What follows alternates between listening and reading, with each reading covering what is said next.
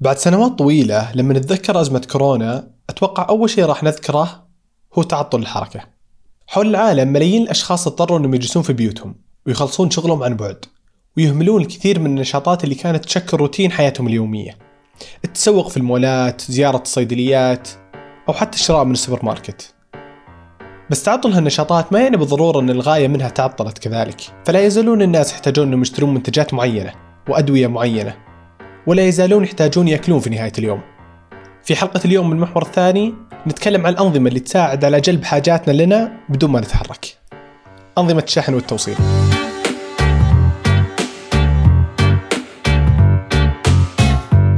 أهلا أنا الوليد العيسى وهذا بودكاست المحور الثاني من إذاعة ثمانية. وبالتعاون مع الجمارك. في كل حلقة نحكي قصة من عالم الأعمال والتجارة العابرة للحدود. قطاع الشحن والتوصيل قطاع ضخم جدا.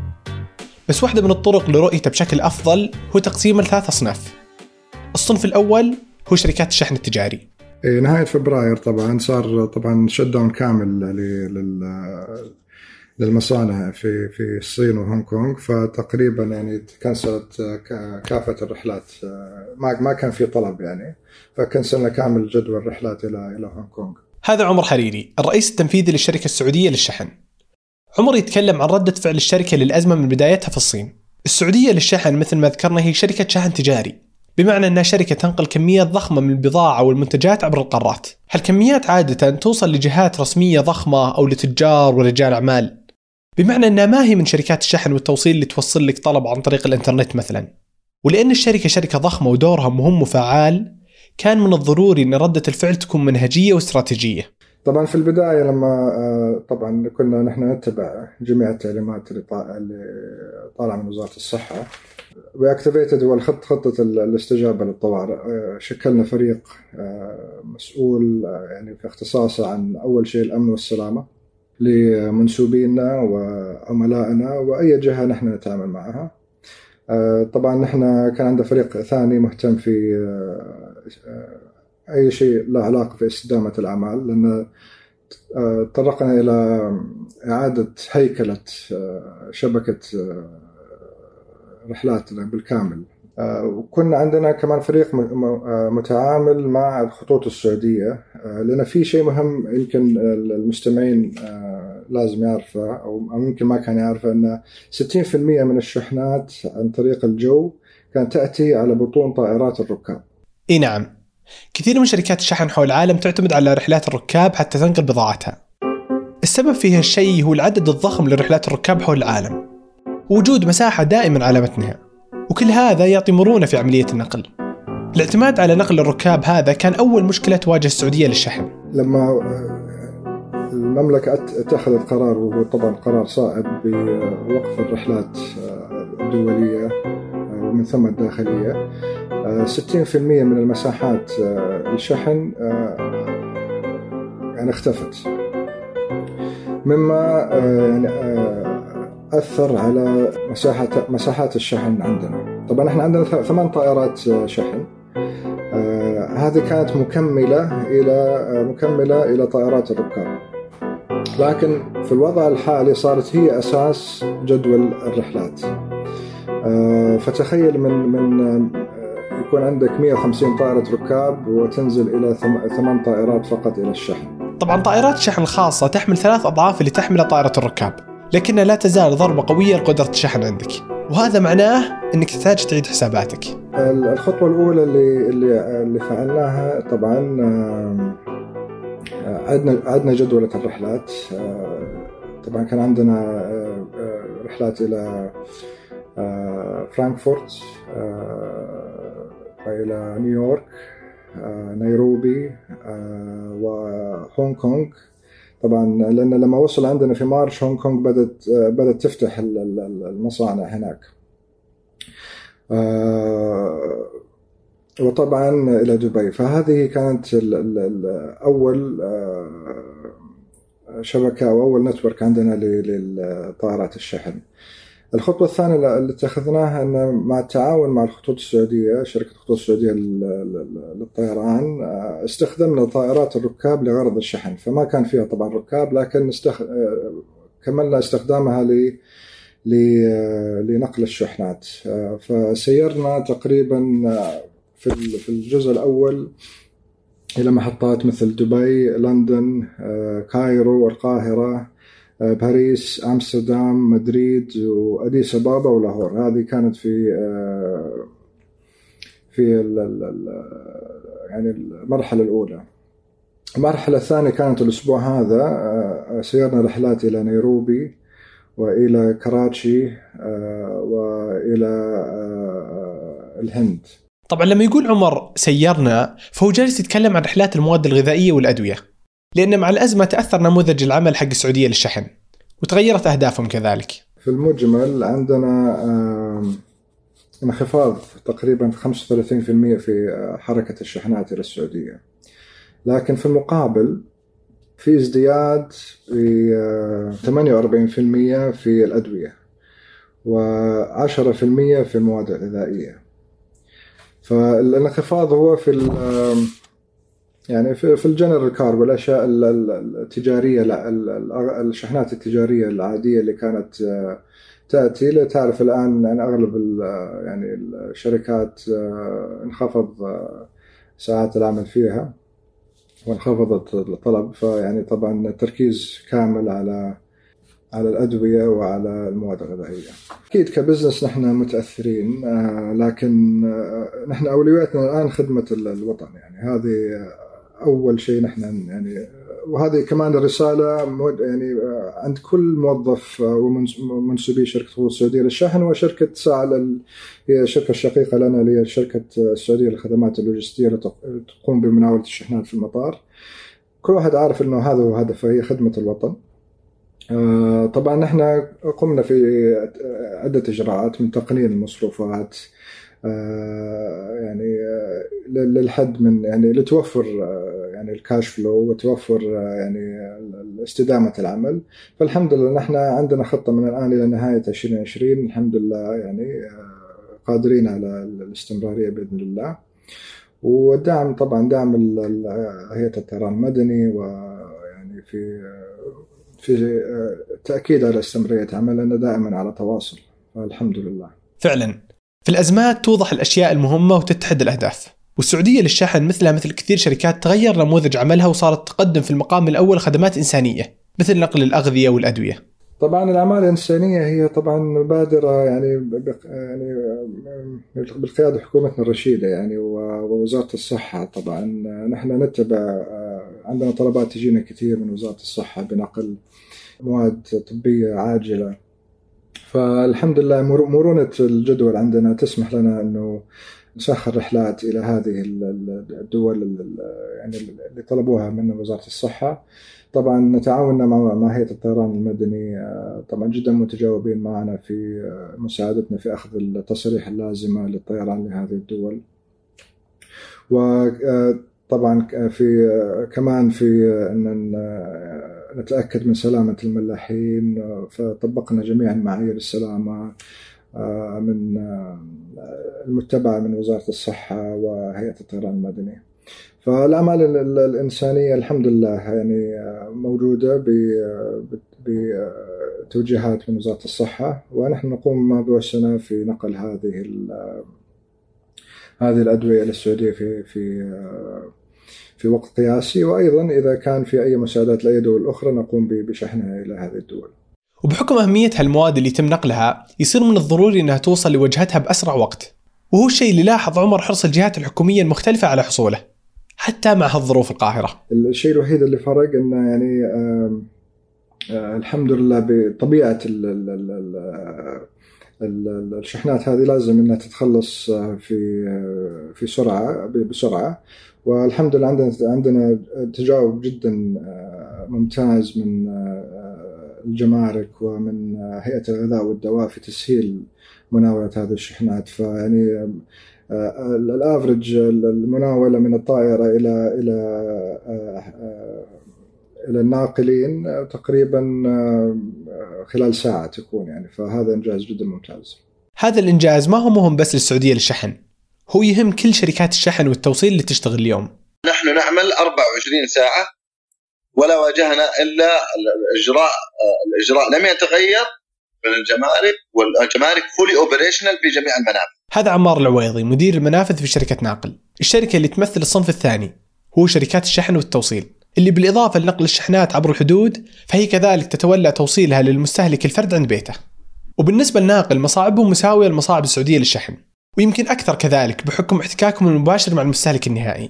المستهلك اللي كان يسمع عن الفيروس في الصين ويشيل هم طلباته. ولو تذكر في بداية الفيروس كان في تخوف من عملية الواردات من الصين انه إنه الشحنات ممكن تنقل الفيروس.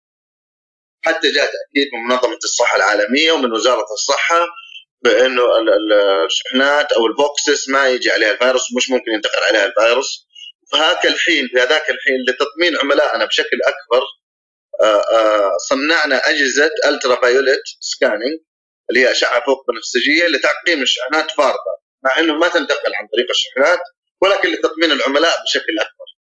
فكانت الأزمة على الرادار لشركة logistics لماذا؟ بسبب إنه الصين هي source country من ناحية الشحنات.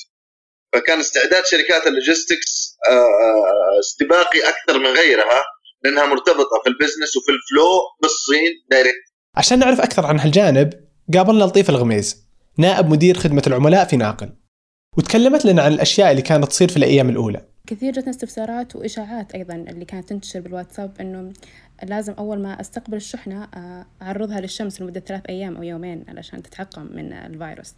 طبعا كل هذه إشاعات ومصادر كثير مثل ما ذكر الأخ عمار آه، المنظمة العالمية للصحة ووزارة الصحة محليا أكدت أن الفيروس آه، ما ينتقل عن طريق الشحنات. هو يحتاج جسم حيوي لينتقل له. هو جانا كثير تخوف من العملاء. كان دورنا إحنا قبل توصيل الشحنات للعميل إنه يكون في توعية. قبلها الموظفين وثانيا للعملاء.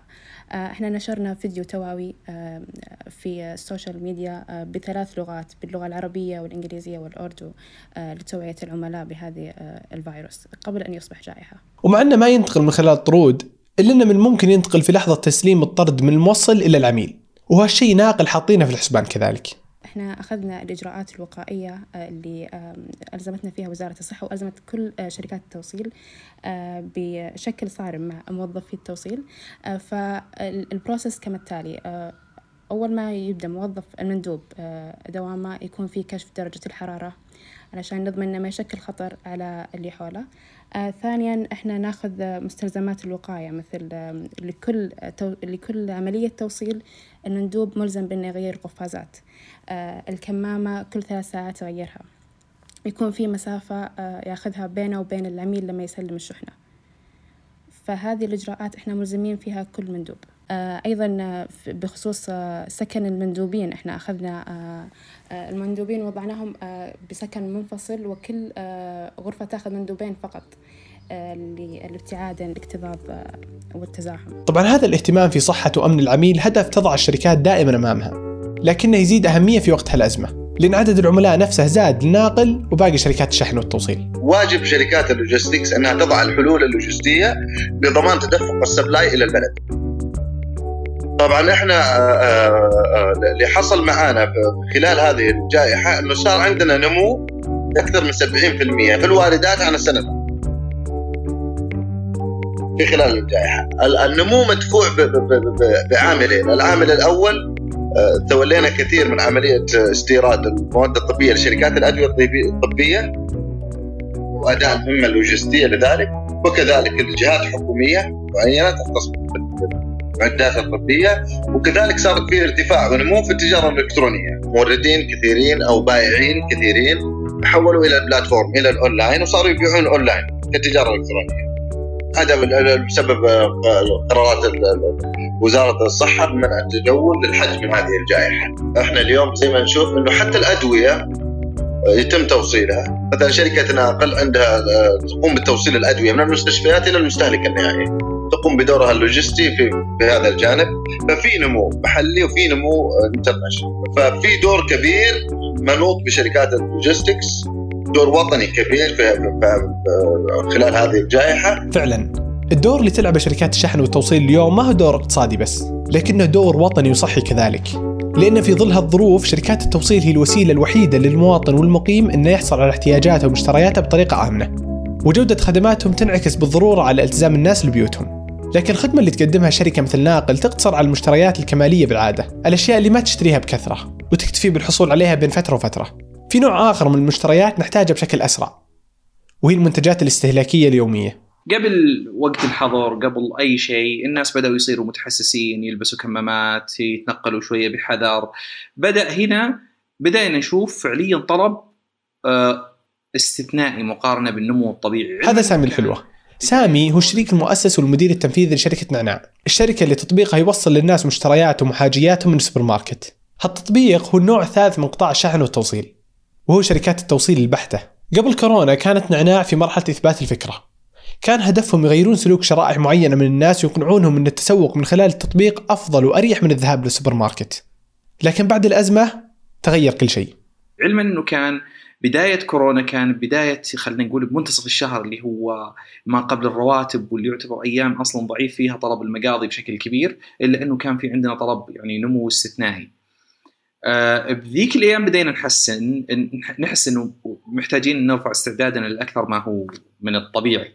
خلاص we have to be ready في شيء في behavior جالس يتغير سلوك مستهلك جالس يتغير وإحنا لابد بالنهاية نكون نواكب هذا التغير. طبعا المفروض أن هذا التطور مفرح للنعناع نعناع تأسست في 2016 وفي بال مؤسسيها خطة طويلة الأمد. وفجأة الآن يتغير السلوك العام لصالحهم ويضطرون ناس كثير أنهم يستخدمون تطبيقهم. لكن في الواقع كان تحدي أكثر من كونه فرصة. طبعا الفرصة نعم إنه بالنهاية كل الناس عندهم رغبة إنهم يطلبون اونلاين which is good فرصة ذهبية لو أنت فعلا عندك قدرة تشغيلية. لكن الإشكالية إنك صعب إنك تنمي شركة 10 أو 20 ضعف يعني عشان بس أعطي لك أنا كم حجم التحدي. الآن قبل الأزمة ال online grocery يشكل من ال total market share أقل من نصف المية. الآن كل الناس في البيت في البيت فتقريبا كل العملاء حقين السوبر ماركت تحولوا اونلاين فمطلوب منك إنك عشان تغطي السوق تكبر 200% خلال أسابيع.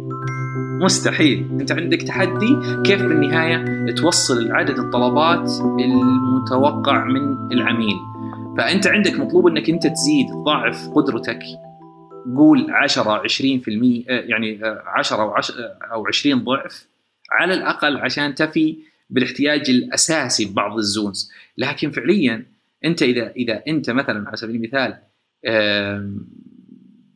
يعني ب zone صغيره بحي بمكان معين آه، في أحد المدن أنت معتاد إنه يوصلك باليوم 500 600 طلب وتلاقي نازل لك 14000 طلب إيش تسوي؟ يعني نفس الشيء إذا جيت تشوف والله ال concurrent users إحنا إحنا في الأزمة هذه آه، عدد المستخدمين اللي حصلناهم أو اللي سجلوا يعني فتحوا التطبيق وسجلوا جدد في أقل من 20 يوم يساوي عدد المستخدمين اللي سجلوا عندنا طول حياة نعناع. وطبعا هالتحدي يحتاج إبداع من النعناع وكذلك مساعدة من الجهات الحكومية. إحنا بالنسبة لنا اشتغلنا مع القطاعات الحكومية للأمانة وصار في تعاون كبير. من ضمنها مثلا وزارة العمل سمحت لنا باستئجار العمالة من الشركات. هذا حتى الشركات اللي كان مو مسموح لنا نستأجر العمالة منها.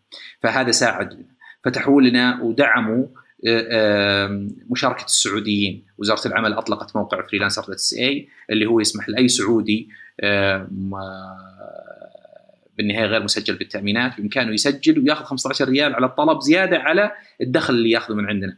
فإحنا نعطي له على تجم... على الصنف وعلى التوصيل وبالإضافة يأخذ 15 ريال على الطلب. يكون إجمالي الدخل يوصل ل 40 ريال. بجانب تحدي الطلب في تحدي التوصيل نفسه.